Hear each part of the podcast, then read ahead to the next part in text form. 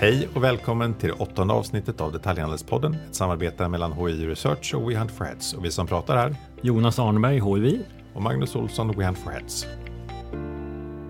Vad trevligt Magnus att vi är igång och då är det dags att säga välkommen till vår gäst Karl Fredrik Teder som är detaljhandelsanalytiker på Postnord. Jättevälkommen hit. Du har laddat upp en ny undersökning och eh, det händer ju onekligen väldigt mycket på e-handelsfronten. Eh, Välkommen! Tack så mycket, kul att vara med. Vi tänkte först bara ge dig chansen att berätta vem du är såklart och sen prata lite generellt om e-handeln. För att sen komma in på en helt färsk undersökning som ni precis har släppt som tar upp e-handeln under coronatiderna här. Och sen har vi massa andra frågor kring paketstatistik. Vad tror du om Black Friday? Vad händer i Kina? Och så vidare. Men Magnus, det kommer vi snart igång med. Så först, absolut. Carl Fredrik, vem är du? Vad gör du? Och så vidare på posten. Ja, tack Jonas. Eh, Jag eh, jobbar som detaljhandelsanalytiker som du sa och rent konkret så innebär det att jag jobbar väldigt mycket med Postnords e-handelsrapporter och eh, primärt då med eh, e-barometern som är vår stora e-handelsrapport som eh, normalt sett kommer ut en gång varje kvartal. Så det är alltid en kvartalsrapport Q1, Q2, Q3 och sen så en lite större årsrapport då som summerar e-handelsåret. Så det är liksom mitt primära arbetsområde på Postnord och sen så det, ju, eh, finns det ett antal andra e-handelsrapporter och annat som kommer ut med olika frekvens men det är e-barometern som är det huvudsakliga. Och Postnord, det är väl ingen nyhet för lyssnarna, men ni står ju för majoriteten av de paket som e-handeln skickar i Sverige. Får du ens säga marknadsandelen? Det kanske du inte får, men man kan säga att ni är väldigt störst. Ja, vi är störst. Våra paketvolymer växer av förklarliga skäl varje år nu i takt med att e-handeln växer väldigt snabbt. Så att eh, vi skickar mindre brev och mer paket sammanfattningsvis. Och vad är din bild av eh, e-handelsläget nu? Vi avvaktar lite med just coronan, men fram till coronan, vi har ändå haft e-handel i, hur många år har vi haft det? 20 år? Snart 20, ska jag säga. Någon vettig... Ja, vi bör, du var väl med från början Jonas lite i, eh, när, när Postnord började ge ut e-barometern. Hur många år sedan är det? Alltså jag var ju med till och med när det hette internetindikatorn år 2000 som, som vi stängde Ja. ner för att eh, det var inga, inga rapporterande företag kvar efter IT-kraschen. Men sen kom det igång igen med postorderindustrin som fick fart och det här var väl då någon gång 2003, 4, 5 någonstans så posten klev in och, och tog tag i den här undersökningen och har gjort den till vad den är idag som ju är en fantastisk rapport över svensk e-handel. som HUI också är med och, och gör, eh, kan man ju tillägga då. Men eh, det som har hänt sedan dess är ju att eh, e-handeln har växt väldigt mycket. De första tio åren där så kunde man ju liksom skönja någon typ av exponentiell tendens i kurvan och nu har den väl planat ut så att det är en mer av en linjär tillväxt för e-handeln men den är fortfarande väldigt kraftig. Den har ju i genomsnitt de senaste tio åren legat på sådär en 15 procent om året om man slår ut det på alla år. Och nu kan man väl säga att eh, om man ser det rent sådär eh, matematiskt eh, så är det väl de här tillväxttalen på årsbasis börjar väl minska något eh, av naturliga skäl i och med att e-handeln står för en allt större del av den totala handeln. Och då är det naturligt så att den procentuella tillväxten blir något lägre. Men eh, vi har ju fortfarande en tvåsiffrig tillväxt för 2019 och eh, det ser ut som att vi kommer att ha en ännu större tillväxt för 2020 men sannolikt hade vi haft en tvåsiffrig tillväxt för 2020 även utan eh, coronaeffekten. Det som vi ser som en väldigt tydlig tendens också är att det är fler och fler som e-handlar, som börjar e-handla. Under 2019 så var det för första gången 70% av befolkningen i genomsnitt som, som svarade ja på frågan om huruvida de hade e-handlat under de senaste 30 dagarna i genomsnitt under året. Så att, eh, En fråga där. Eh, Ni eh, mäter ju e-handel i e-handelsbarometern, men jag vet att i samband med att man summerade 2019 så pratar man också att gränserna mellan fysisk handel och e-handel suddas ut lite grann. Och, och eh, Beroende på om man, om man köper i butik efter att man bokat via nätet, men då följer man inte upp det fast nätet är inblandat och tvärtom om jag är inne i en butik och sen beställer jag online, då blir det plötsligt en e-handel. Går det över tid att mäta kanalerna var och en för sig så här? Nej, det är en väldigt eh, adekvat fråga i och med att det går eh, in i vartannat eh, mer och mer allt eftersom så kommer det ju förr eller senare få en högre relevans att prata om handeln eh, i sin helhet och det gör vi också eh, på många sätt i rapporterna. Så vi pratar ju inte om e-handeln som ett fullständigt isolerat eh, fenomen utan det är ju en större kontext av en större detaljhandelskontext. Och vi diskuterar ju väldigt mycket hur de här olika sätten för folk att köpa saker, för i, i grund och botten så bryr inte konsumenten sig särskilt mycket om huruvida de har köpt eh, vad det kallas för, om det kallas för fysisk eller digital eh, handel eller eh, omnikanalstrategier och annat utan konsumenten vill ha det de vill ha så att säga. De, är, de har sina behov och får tag i det de söker på ett enkelt och smidigt sätt eh, oavsett var de befinner sig och eh, så med tiden så kommer det där fortsätta och, och säkert flyta samman allt mer. Och man kan ju säga att Även om vi i e-barometern då tittar på vart transaktionen sker och utifrån det avgör om det är butik eller e-handel så är det ju i allra högsta grad redan idag om man ser på köpprocessen i ett, i ett större perspektiv något som är väldigt ihopblandat eller om man säger alltså att Mm. Om du ens ska få till köpet i butik så behöver du ha en digital strategi för det är där köpet inleds. Eh, men det är ju verkligen en fråga som utifrån hur man mäter e-handeln så är det ju en utmaning. Det råder ju ingen tvekan om att man behöver ha en digital idé om hur man driver försäljning i butik också. Nej.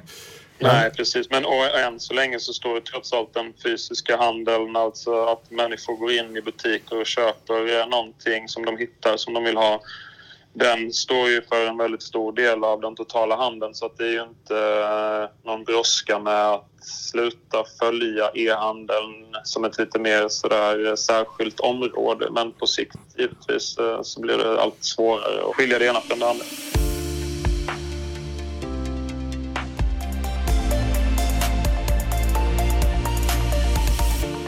I slutet av Q1 så drabbades vi ju av pandemin. Alla pratar om coronaeffekter i alla sammanhang. Vad ser ni för coronaeffekt i e-handeln om vi bara sammanfattar perioden? Det är en väldigt dyster tid. Människor dör och förlorar sina nära och kära. Samtidigt så är det en spännande tid att följa handeln i och med att det sker så stora beteendeförändringar väldigt snabbt. Som jag nämnde tidigare så gör vi ju normalt sett de här kvartalsrapporterna och kvartal ett eh, består som bekant av januari, februari, mars. Och i Sverige så kom ju den här stora coronautbrottet i mars någon gång. Jag kommer ihåg att jag var utomlands och var lite bekymrad över hur jag skulle komma iväg och sen så kom jag iväg och när jag kom tillbaka så var allting eh, väldigt förändrat jämfört med när jag åkte. Men hur som helst, då någonstans så insåg vi också att förändringen i konsumtionsbeteenden har ju kommit i sista halvan av eh, kvartalet och egentligen den sista halvan av den sista månaden i kvartalet. Så att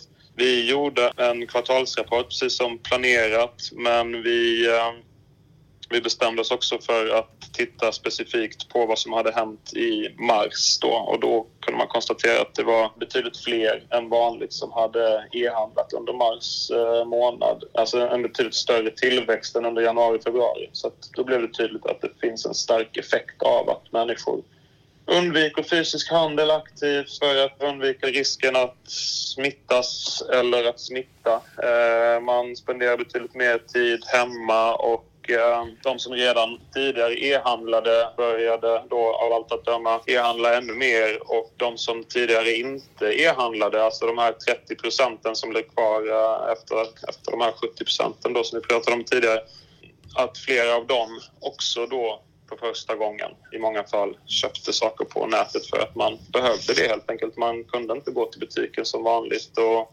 framförallt så såg vi en enorm eh, tillströmning i eh, produktkategorierna dagligvaror och eh, apoteksvaror. Då. Och det har du kunnat fortsätta följa nu. Och med, återigen, jag mm. håller med dig och har respekt utifrån allt som sker kring coronan. Men vad händer med de branscherna?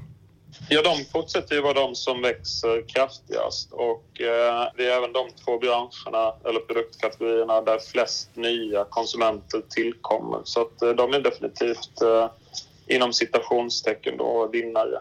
när det kommer till dagligvaror så är det ju tudelat där också kan man säga. Dels så vill man inte gå till eh, butiken och trängas med andra och sådär. Och många matvarubutiker kanske är fortfarande relativt eh, sett trånga med mycket människor och, och sådär. Så att man, man vill gärna kunna göra köpen hemifrån. Eh, sen så har vi en, en, annan effekt och det är att restaurangbesöken minskar ganska eh, dramatiskt. Nu har det väl börjat återhämta sig i takt med att oron har minskat nu senaste tiden. Men mars, april, även maj så var ju restaurangbranschen väldigt hårt drabbad och om man inte äter på restaurang så måste man äta sannolikt hemma då och då köper man mer dagligvaror. Så det är dels större del av köpen som sker online men också att man faktiskt köper mer mat. Och det kunde man ju se också i, början där jag gick in och kollade på sista halvan av mars eh, hur det såg ut med leveranstider för Maten, Mat.se, K.se och så vidare. Och det var ju ganska långa, jag tror det var åtta dagars leveranstid på de allra flesta ställena. För att det var så enormt stora orderingångar att man inte kunde hantera det såklart med det befintliga logistikflödet. Tror du att de personer som nu handlar mat på nätet kommer fortsätta att göra det post-corona?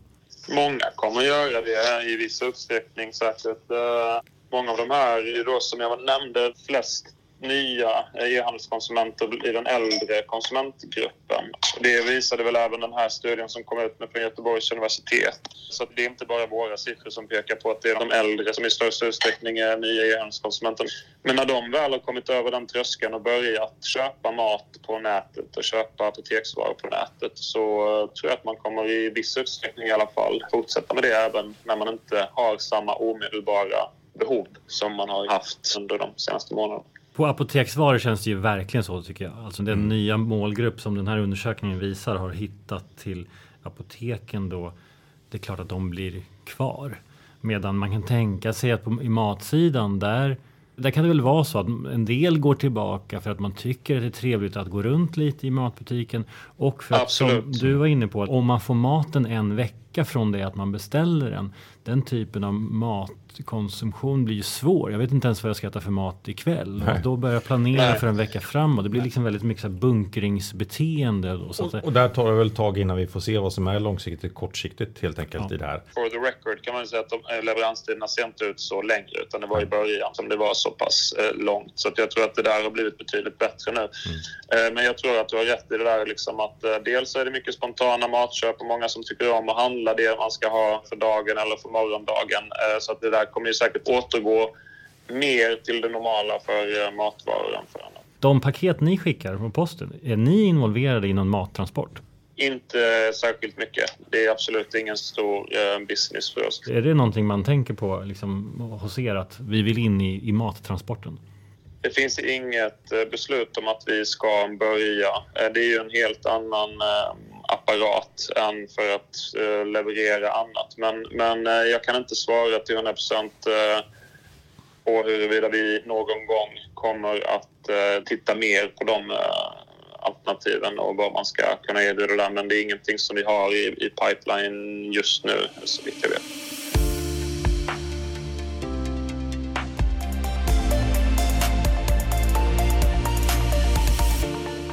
Jag tänkte att vi skulle komma in på själva rapporten, e-arbeten för maj, som ju alldeles nyss har släppts. Och där pratar ni om att e-handeln har nått en ny nivå. För nu kan vi ju summera egentligen både mars, april och maj och konstatera att, att vi har haft en fantastisk tillväxt. Vad har hänt? Som jag var inne på tidigare så är det ju dels att fler eh, handlar online. Så att den här andelen som svarar ja på frågan om huruvida de har handlat på nätet de senaste 30 dagarna, den har gått från i genomsnitt 70% under 2019 och sen så växte det till 73% i mars, 78% i april och nu 77% i maj. Så man får liksom, det har liksom tagit ett skutt uppåt där, andelen konsumenter som handlar på nätet. Och eh, nu är det för tidigt att säga om den är permanent, att den kommer ligga kvar på 77-78% även efter den här eh, pandemin. Men men eh, om man får gissa så kommer det inte gå ner till 70 igen. Tror inte jag i alla fall. Men så det är en del av det, att andelen av konsumenterna som handlar på nätet har ökat. Och sen så är det också så att de som handlar, handlar mer. Så att det, i den där liksom ekvationen så har det flera delar som förklarar den tillväxten kan man säga. Och e-handeln i sig växte med 36 procent i maj. Jag har förstått att det finns en del skillnader mellan könen till exempel. Det är lite intressant. Generellt är det fler kvinnor än män som handlar på nätet. Så var det även tidigare. Så är det fortfarande. Nu eh, när man ser till den äldre gruppen som är de som har växt mest nu under krisen så är det också fler kvinnor än män som handlar på nätet.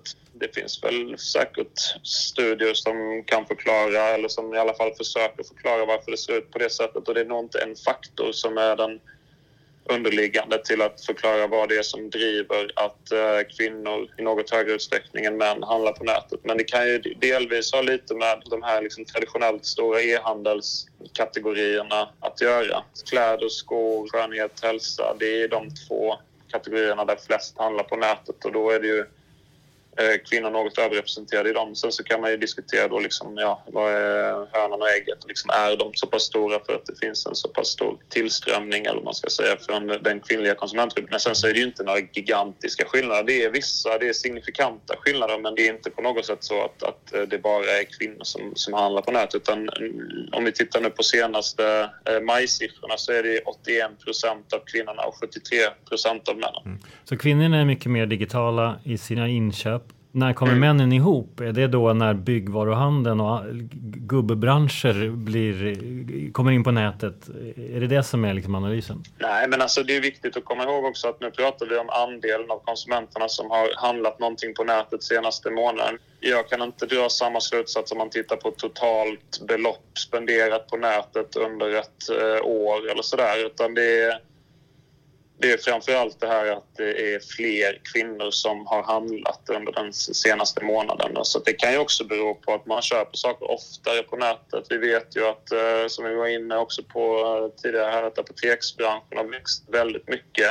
Både som en konsekvens av eh, den här krisen nu, men också att den hade en väldigt stark tillväxt även tidigare. Och där kan det ju vara att man köper Eh, mindre artiklar oftare och, och, vi vet att Apotea de har ganska mycket små leveranser också. Så att um, om man skulle titta på totalt belopp spenderat under året så är jag inte säker faktiskt på hur det ser ut, balansen mellan eh, kvinnor och män. Det har, det har jag säkert kollat på någon gång men jag kan inte rycka den siffran från mitt, det yttersta skiktet av mitt medvetande just nu i alla fall såklart. Vi tittar ju på antal köp och eh, frekvens och så och har inte kommit in på hur mycket man handlar för. Så att om män handlar elektronikvaror för mycket pengar så, så, det, så det du säger är att det kan ju vara så att man spenderar lika mycket pengar helt mm. enkelt.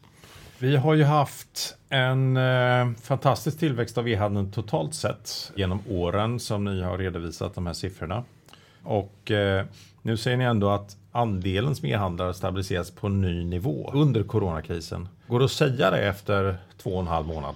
Nej, det är lite tidigt att konstatera det och man bör ju också ha med sig att under åren, om man tittar på något sån här genomsnittligt de senaste åren så har ju eh, andelen som e-handlare ökat sakta men säkert. Så att den kommer ju fortsätta öka sakta men säkert. Men ett bättre sätt att formulera det på är väl att den har tagit skutt uppåt för att sen fortsätta på samma trend som den var tidigare. Och så är det ju med e-handeln i stort också. Alltså att den andelen av befolkningen som e-handlar men också tillväxten i e-handeln den kommer ju fortsätta på samma bana som den, som den var tidigare men har tagit lite skutt uppåt. Så att om man tittar på en kurva, en linjär, relativt linjär kurva så har den liksom tagit ett, förflyttats ett steg eh, uppåt på grafen.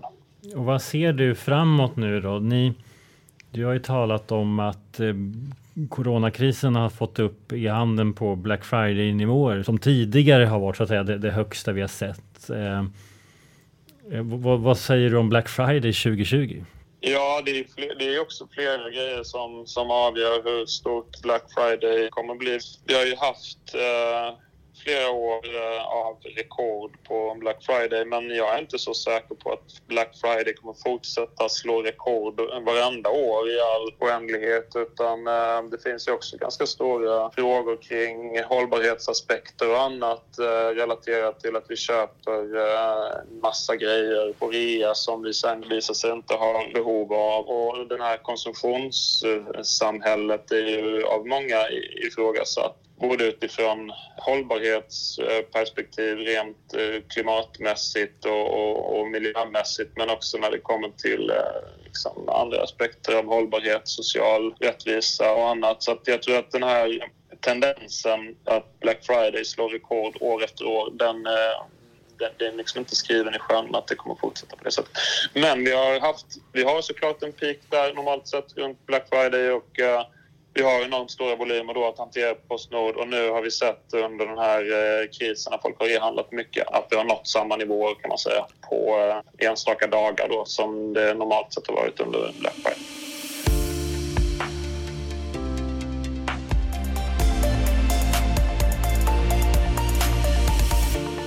Hur hanterar man de flödena? För att i vanliga fall så brukar ni ju behöva förstärka eh, organisatoriskt och man brukar liksom ladda upp för det här. Nu är det liksom en vanlig dag på jobbet. Hur funkar det? Ja, delvis är det väl en, en vanlig dag på jobbet. Vi har lyckats hantera de här stora flödena på ett väldigt bra sätt. Men man har ju också gjort anpassningar i produktionen för att kunna hantera det. Så att beredskapen har ju byggts upp eh, successivt i takt med att eh, krisen har blivit större. Så att Visst, du har delvis rätt i att normalt sett så står man där parat för att hantera betydligt större volymer ett antal dagar runt Black Friday. Och nu har det kommit mer som en eh, extraordinär händelse eller en liksom force, force majeure eller vad man ska säga.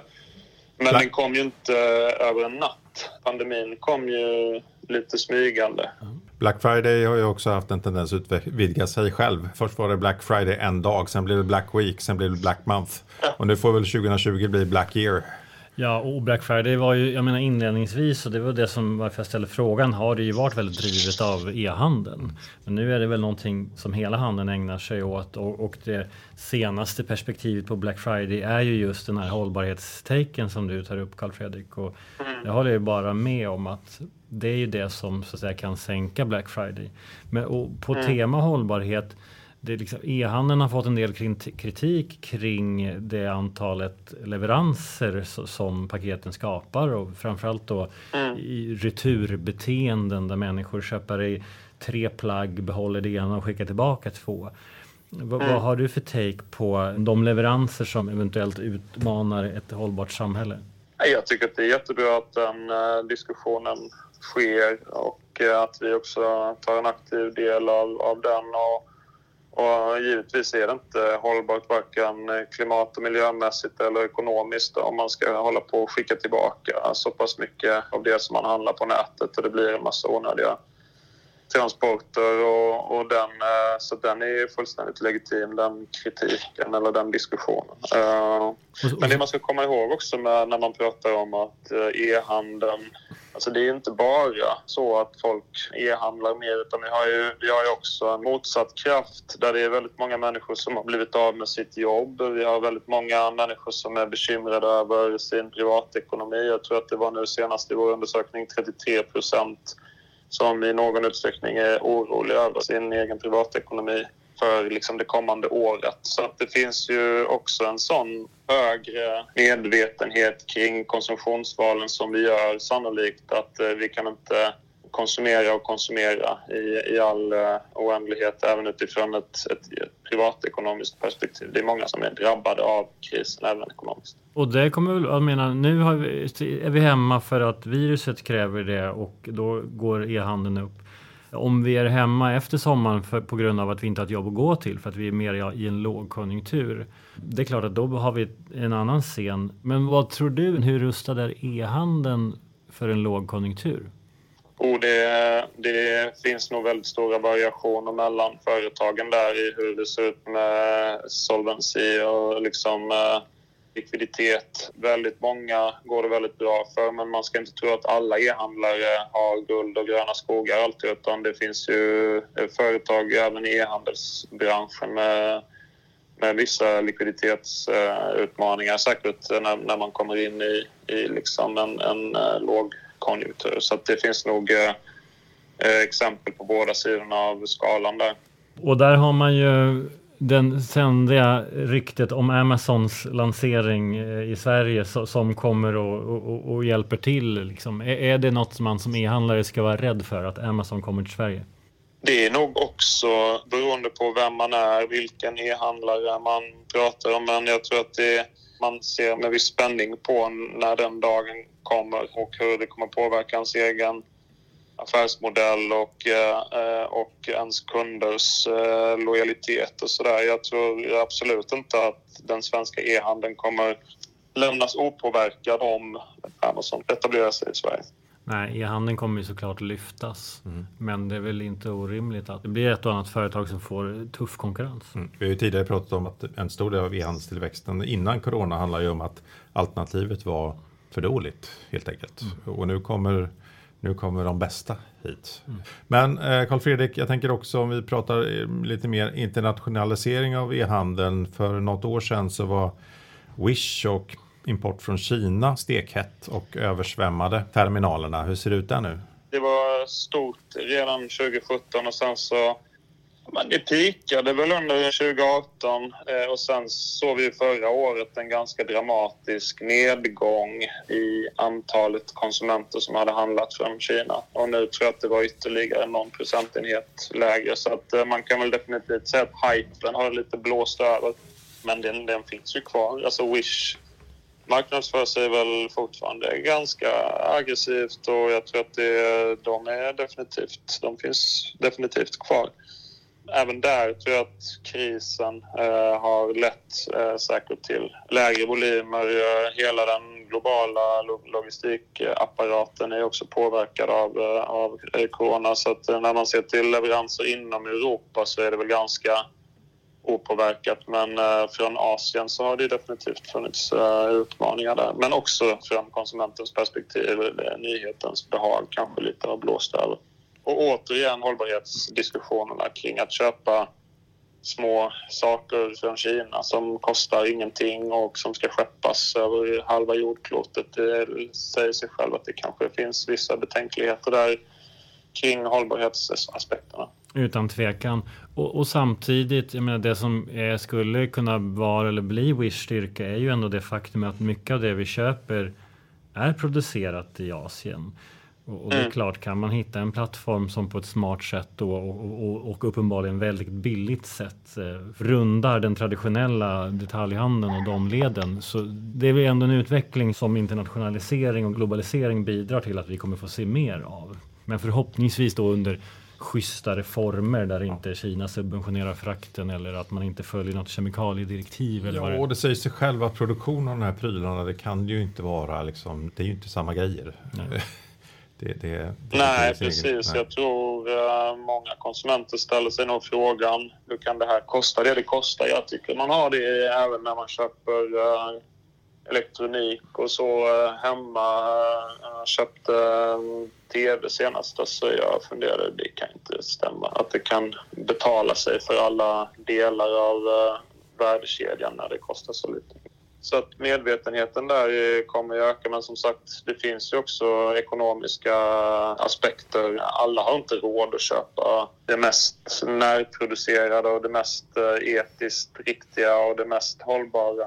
Så att eh, man bör väl inte överskatta effekten av det över en natt. Men på sikt så tror jag att eh, medvetandet ökar.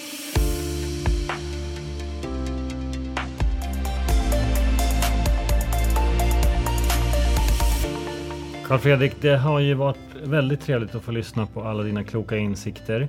Vi rundar av nu, men vi kan konstatera att 2020 har tagit e-handeln några snäpp eller år framåt i tiden och på hela året 2019 hade vi typ 15% tillväxt.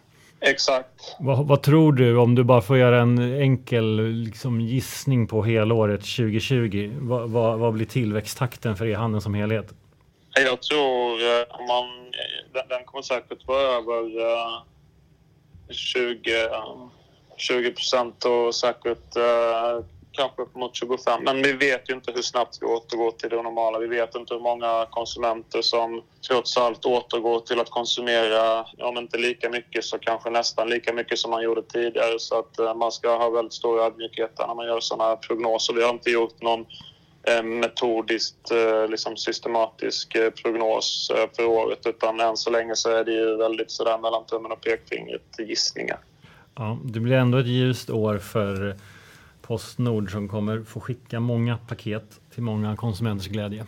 Ja, verkligen. Vi ser ju också att eh, våra volymer, att hemleveranserna har ökat enormt mycket. Folk vill gärna ha saker hemlevererat till dörren för att slippa gå till ett ombud i de här tiderna. Så att eh, vi ser ju att det finns ett stort behov av våra tjänster eh, och att man liksom kan anpassa sig till vad konsumenten vill ha. Superbra. Stort tack Carl Fredrik. Eh, vi eh, ses igen snart. Men tack för att du var med. Ja, men det gör vi. Tack Trevligt. Tack, tack. Tack. Ha det gott.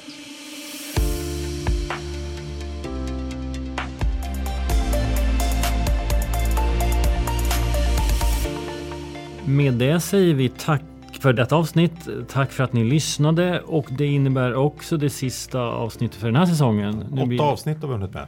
Bra, och det blir en semesterpaus till någon gång i mitten av augusti när vi kommer tillbaks med fastighetsägare, retailers och eh, lite allt möjligt. Mm. Kan väl redan nu utlova minst två avsnitt i augusti? Det gör vi absolut. Mm. De kommer bli spännande. Och med det så önskar vi en riktigt härlig sommar och en härlig hemester. Trevlig sommar. Tack.